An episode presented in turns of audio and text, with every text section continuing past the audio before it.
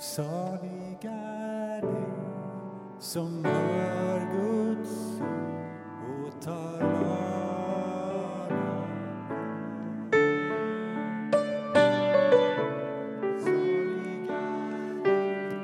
som hör Guds ord och tar vara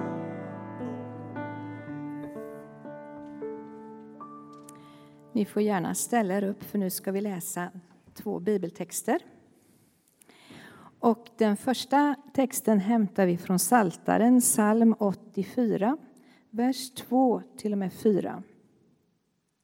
Ljuvlig är din boning, Herre Sebaot. Jag förtärdes av längtan till Herrens förgårdar. Nu jublar min själ och min kropp mot den levande guden. Sparven har funnit ett rede och svalan ett bo för sina ungar. Dina altaren, Herre Sebot, min konung och min Gud.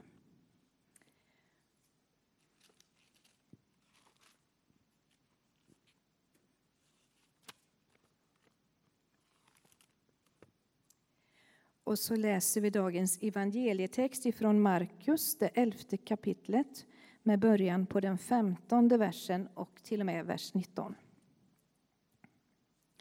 De kom till Jerusalem och han gick till templet. Där drev han ut dem som sålde och köpte. Han välte omkull borden för dem som växlade pengar och stolarna för dem som sålde duvor. Och han lät ingen bära något med sig över tempelplatsen. Han undervisade dem och sade, står det inte skrivet? Mitt hus ska kallas ett bönens hus för alla folk. Men ni har gjort det till ett rövarnäste. Detta hörde översteprästerna och de skriftlärda, och de sökte efter ett sätt att röja honom ur vägen. De var rädda för honom, eftersom alla människor var överväldigade av hans undervisning. När det blev sent lämnade de staden. Så lyder det heliga evangeliet. Halleluja.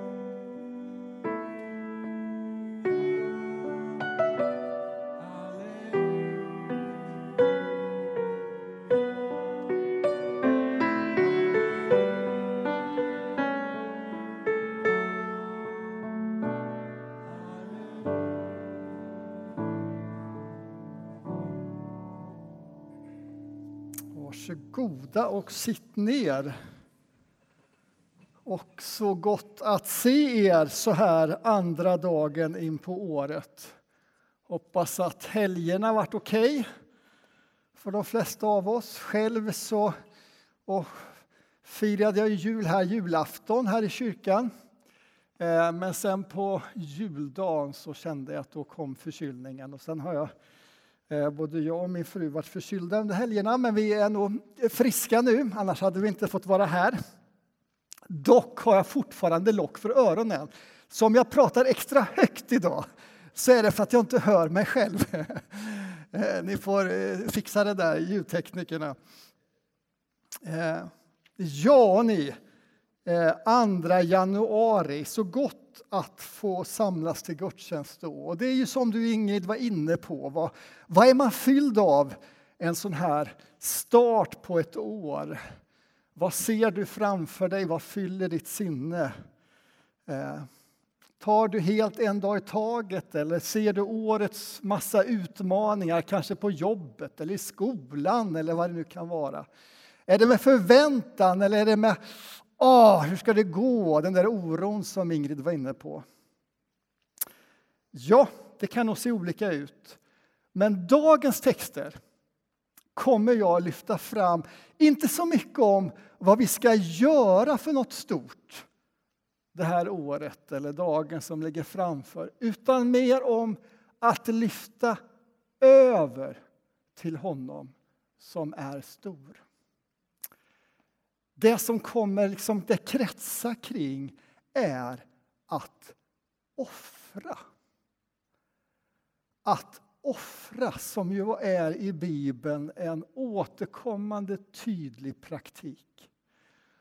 Och, och som kanske känns liksom, ja, nu behöver det inte bara vara gudstjänstovana här som känner att vad, vad ska vi verkligen prata om att offra. Det tillhör väl något gammalt, förlegat, historiskt. Ja, vi, vi får se det, eh, vad, vad det kretsar kring. Eh, och jag kommer beröra de här två texterna som Ingrid eh, läste och sen också söndagens tredje text från Romarbrevet. Men vad, vad menar vi när vi säger, när vi i vardagligt tal talar om att offra?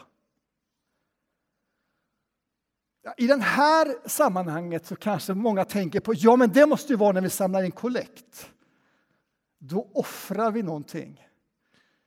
Eh, och det är sant. I vardagligt tal då, använder du det begreppet? Jag läste en artikel igår i en tidning där en, eh, en miljöaktivist använde begreppet offra så här. Lyssna. Att vara klimataktivist behöver inte betyda att offra ett bekvämt liv. Det kan lika mycket handla om att finna en mening med tillvaron. Att vara klimataktivist behöver inte betyda att offra ett bekvämt liv. Vad vill personen säga? Ja, att offra, att uppoffra, att lämna över.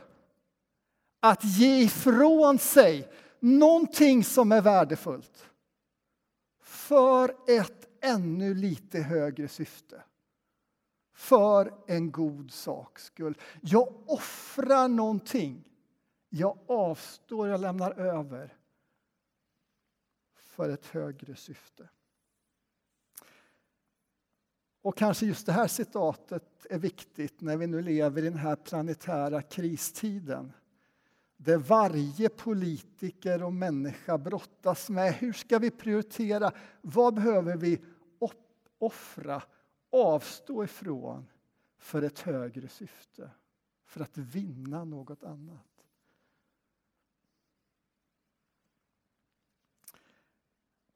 Vi går till första texten och ser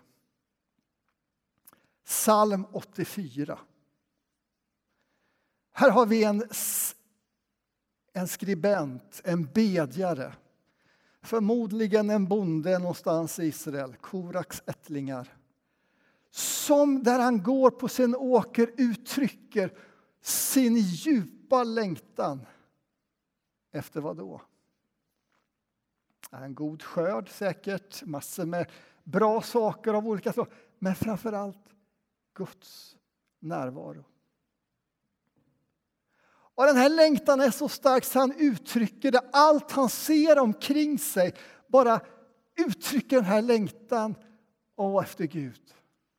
Och så ser han hur en fågelmamma söker sig till sitt fågelbo där ungarna är och tänker ah, på samma sätt längtar jag efter Gud och Guds närvaro. Och i det här sammanhanget så är det är samma sak som att längta till Jerusalem. Att längta till templet och att längta till altaret i templet. Dina altaren, o Gud, skriver psalmisten, är som det där fågelboet för fågelmamman till sina barn. Jag är inte säker på att du håller med. Jag vet inte riktigt. Eh, men i det här sammanhanget så är det, där är löftet om Guds närvaro. Där är platsen för Gud. Så ska jag i det här sammanhanget som psalmisten är längta, vilja åt Gud. Så var det altaret vid templet. För vad hände där? Ja, där gav man sitt offer. Där lämnar man över, ifrån sig någonting av det som var kärt för ett högre syfte, för en större sak. Inte så mycket för att manipulera Gud och försöka få Gud med sig på sina planer utan mer i syfte att Gud hade förordnat offret som en praktik av två skäl. Mikael, visa bild. Det finns en mängd olika typer av offer i, i Gamla testamentets tid och i Saltarens tid. Men det kan egentligen summeras i de här två skälen. Man tog sig till Jerusalem för ett, antingen att offra för att söka kontakt med Gud för första gången. Eller för att man har vänt Gud ryggen och behöver förlåtelse, behöver åh, en förnyad gudsrelation. Någonting har blivit snett. Då behövde jag offra. Men sen det andra var, det var att årligen uttrycka sin tacksamhet.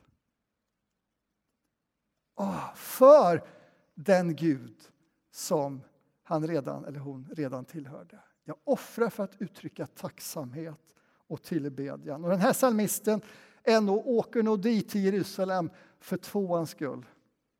Eh, för att få uttrycka denna längtan och tacksamhet. Vi kan låta den bilden ligga kvar och så går vi till text nummer två. Nu har århundraden gått och så är vi framme vid Jesu tid och fortfarande så tar sig människor till Jerusalem för de här två skälen. Men någonting har hänt. Och jag tror vi kan känna igen oss i det. Jag tror många kan känna igen sig i det.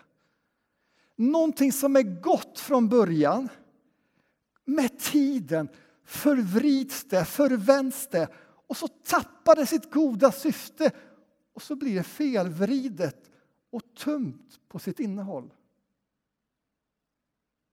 Det här hände med offersystemet gång på gång i Gamla testamentet. Och nu hade det hänt igen. Och Jesus kommer till templet. Och vad är det han ser? Ja, inte människor som jag ger det här av kärlek, av tacksamhet till min Gud. Utan nu gör vi business på detta.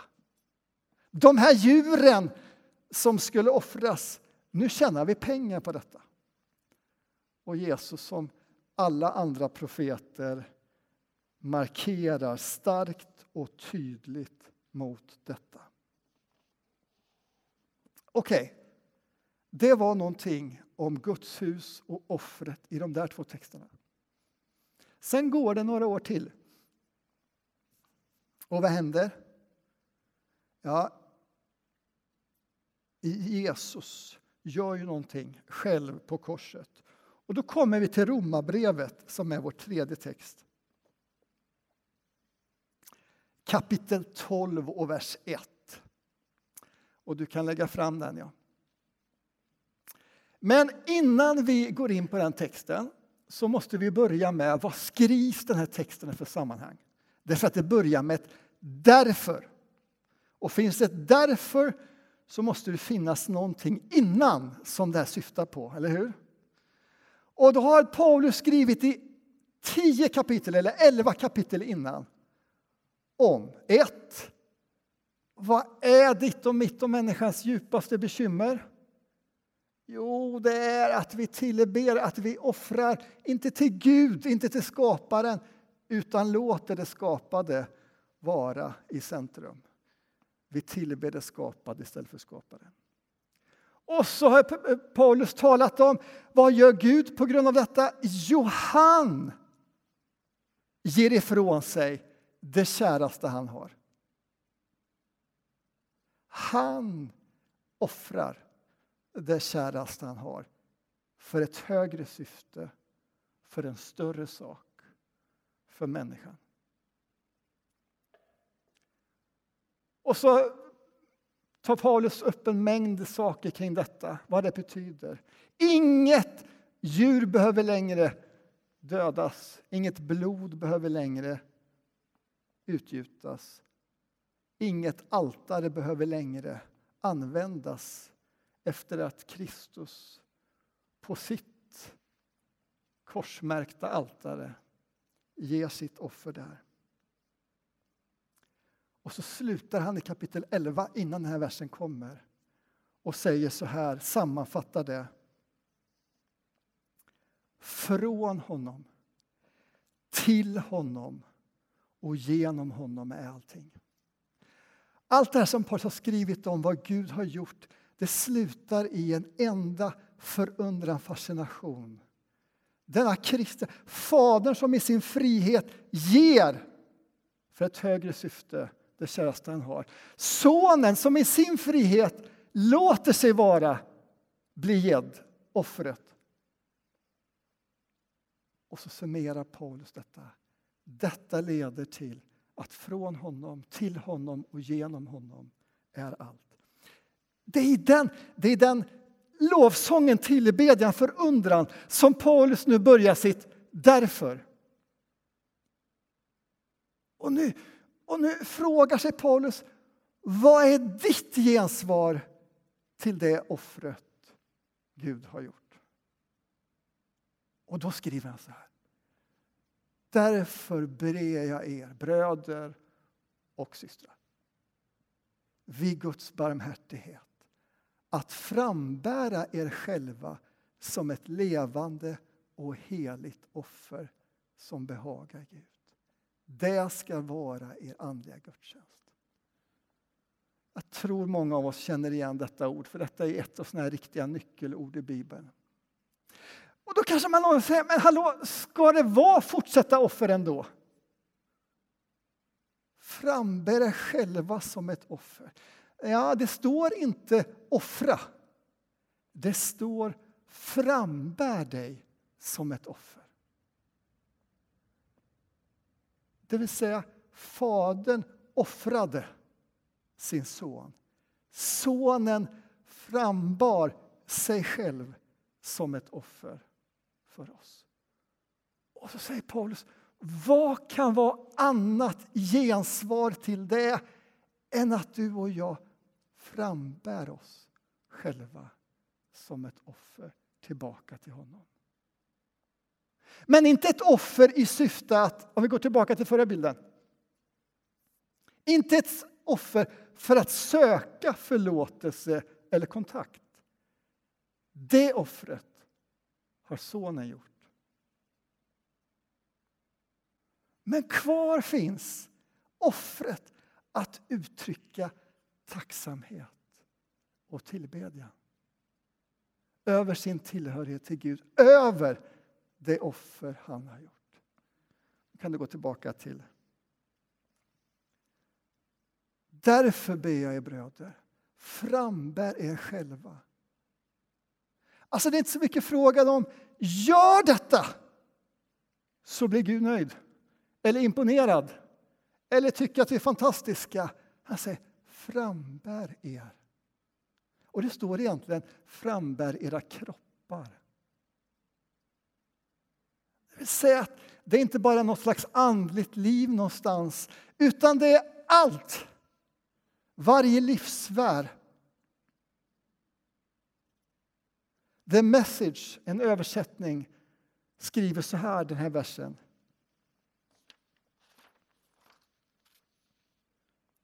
Fram, därför ska ni ta allt det ni gör i det vanliga vardagslivet.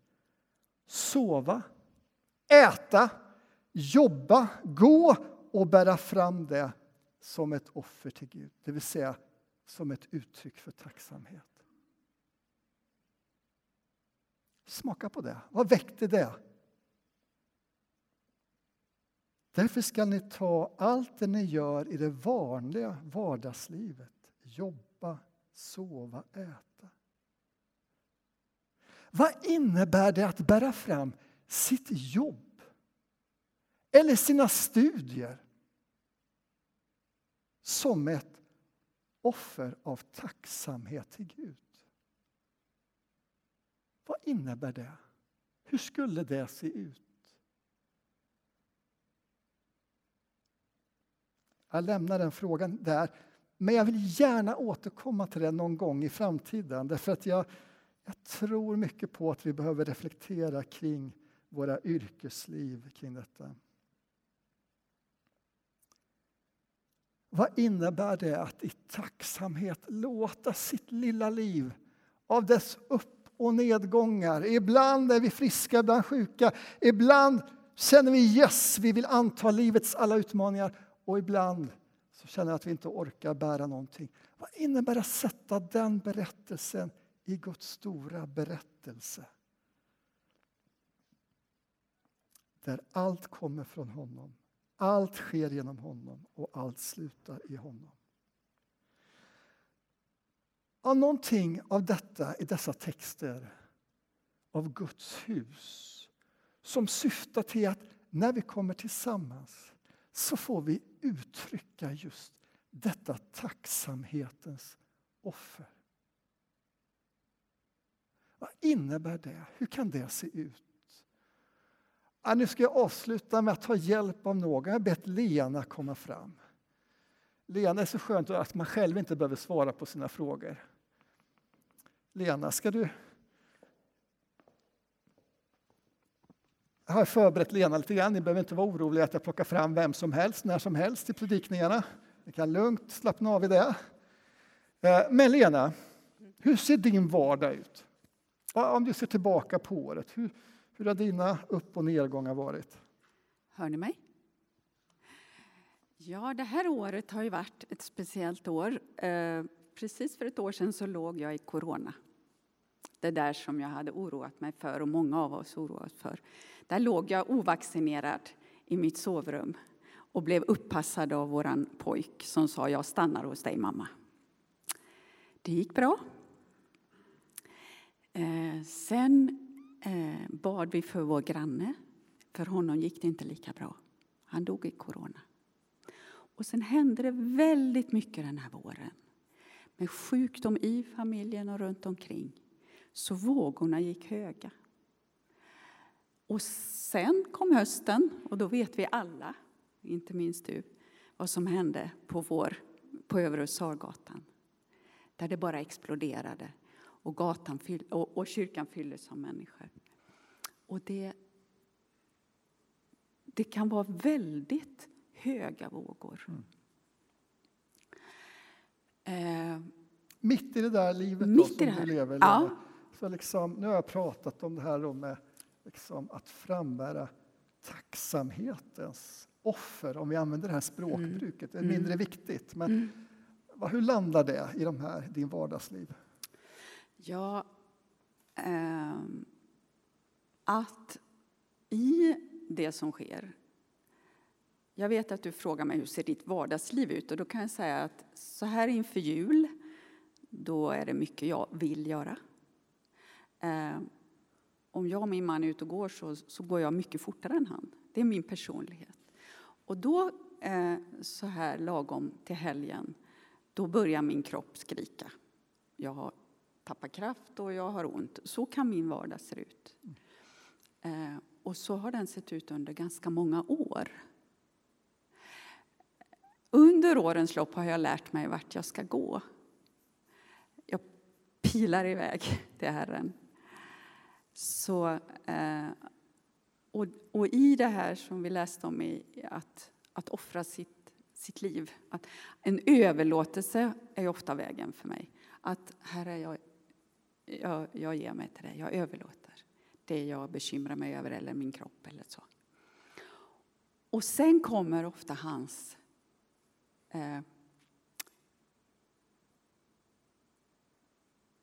närvaro, hans frid, hans kärlek. Och så tänker jag men det är otroligt. Han är den han är. Och då föds tacksamheten och då kan den eh, te sig i, i en lovsång när jag steker köttbullar i köket ensam. Och är så otroligt tacksam för den han är och att jag får vara hans barn. Och det eh, får jag sen dela vidare. Och, men det är ingen enkel väg. Det vore inte, det vore inte sant. Men no, gång på gång på gång så visar han, jag är den jag är. Och jag satt för två månader sedan här uppe i kyrkan och vi hade, eh, eh, tatt, jag hade fått ta emot nattvarden. Och så kommer han med sin kärlek och fyller min själ.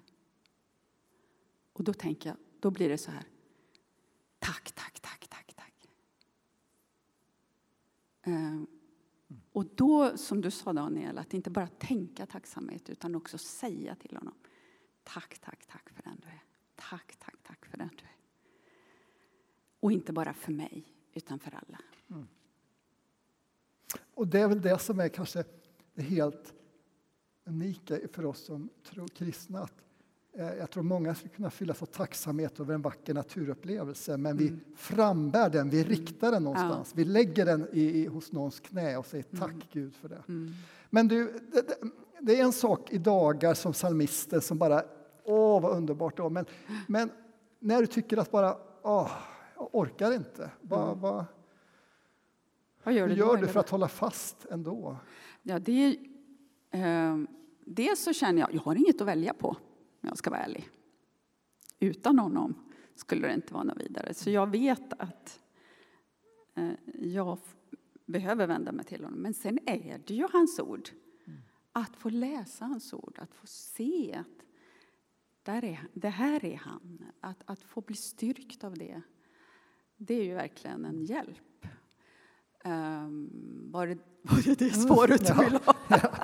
Ja, jag vill egentligen du? bara få du samtala med lite konkret för det här kan ju bli Ja, vad tänkte du på? vackra stora ord. Ja, nej, men, ja. Eh, och, och, eh, Vad tänkte du på? jag tänker att just när, när, att, att när vi är fyllda av tacksamhet till Mm. Gud som en respons, tack, det kan vara en naturupplevelse, då är det lätt att rikta den Ja. till Gud. Men när det är tungt Ja. så kan det vara svårare att göra Paulus säger, att frambära sig själv Ja. med den här. Eh, men det, det du säger att, att hålla fast, att göra det oavsett vad jag Mm. Ja, och egentligen... att, att det finns en hemlighet i det och också i överlåtelsen. Herre, så här är det. Eh, det vore ju fel att säga att allt var lätt hela tiden. Och det finns många som är mycket mer drabbade än jag, jag och vi. Absolut. Men det finns en hemlighet i att vända sig till honom, att hålla fast. Att det är som när, eh, ni vet, eh, jag brukar säga när, när det är, himlen är grå, när det är liksom lågtryck och när det regnar. Och det, att hålla fast. Jag vet att du är ljus, Herre, och jag vet att du är med nu, men jag vet också att du är ljus. Och så, så är det som om eh, det här gråa delar upp sig och så kommer solen. Eh, Har du något sånt där område när du hör det här bibeltexten som du tycker att ah, jag, jag bär gärna fram det här till Gud, men det här, det tycker jag är svårare. Det här vill jag gärna behålla för mig själv. Eller, eller du, du är lätt att be, bära fram allt. Jag tror att eh, jag gärna vill eh, vara duktig inför honom. Ja. Att jag gärna vill eh, försöka fixa det som han har dött för. Ja. Han har inte tänkt att vi ska leva som kristna i egen kraft. Det var just det som var grejen. Mm. Det tror jag att jag kan bli, behöva bli, eller jag blir påminn om det gång på gång. Det är han som har gjort det. Mm. Det är redan gjort. Eh, mm. Tack Lena. Tack. Vi ska, vi ska, jag ska avsluta där och så ska vi gå in i en stund där vi får eh, det Dels ska vi sjunga en sång nu, nu ska vi överlämna allt. Jag tror, visst var det den sången Emil? Att lämna allt. Och så ska vi få gå in i nattvarden där det blir tydligare än någonstans annars att vad Gud har gjort, offrat sig för oss. Och här får vi möjlighet att överlämna, att frambära oss själva. Eh, och så kanske att det finns något område som den heligande pekar på som säger, kan du inte också överlämna detta till mig? Kan du inte frambära detta till mig?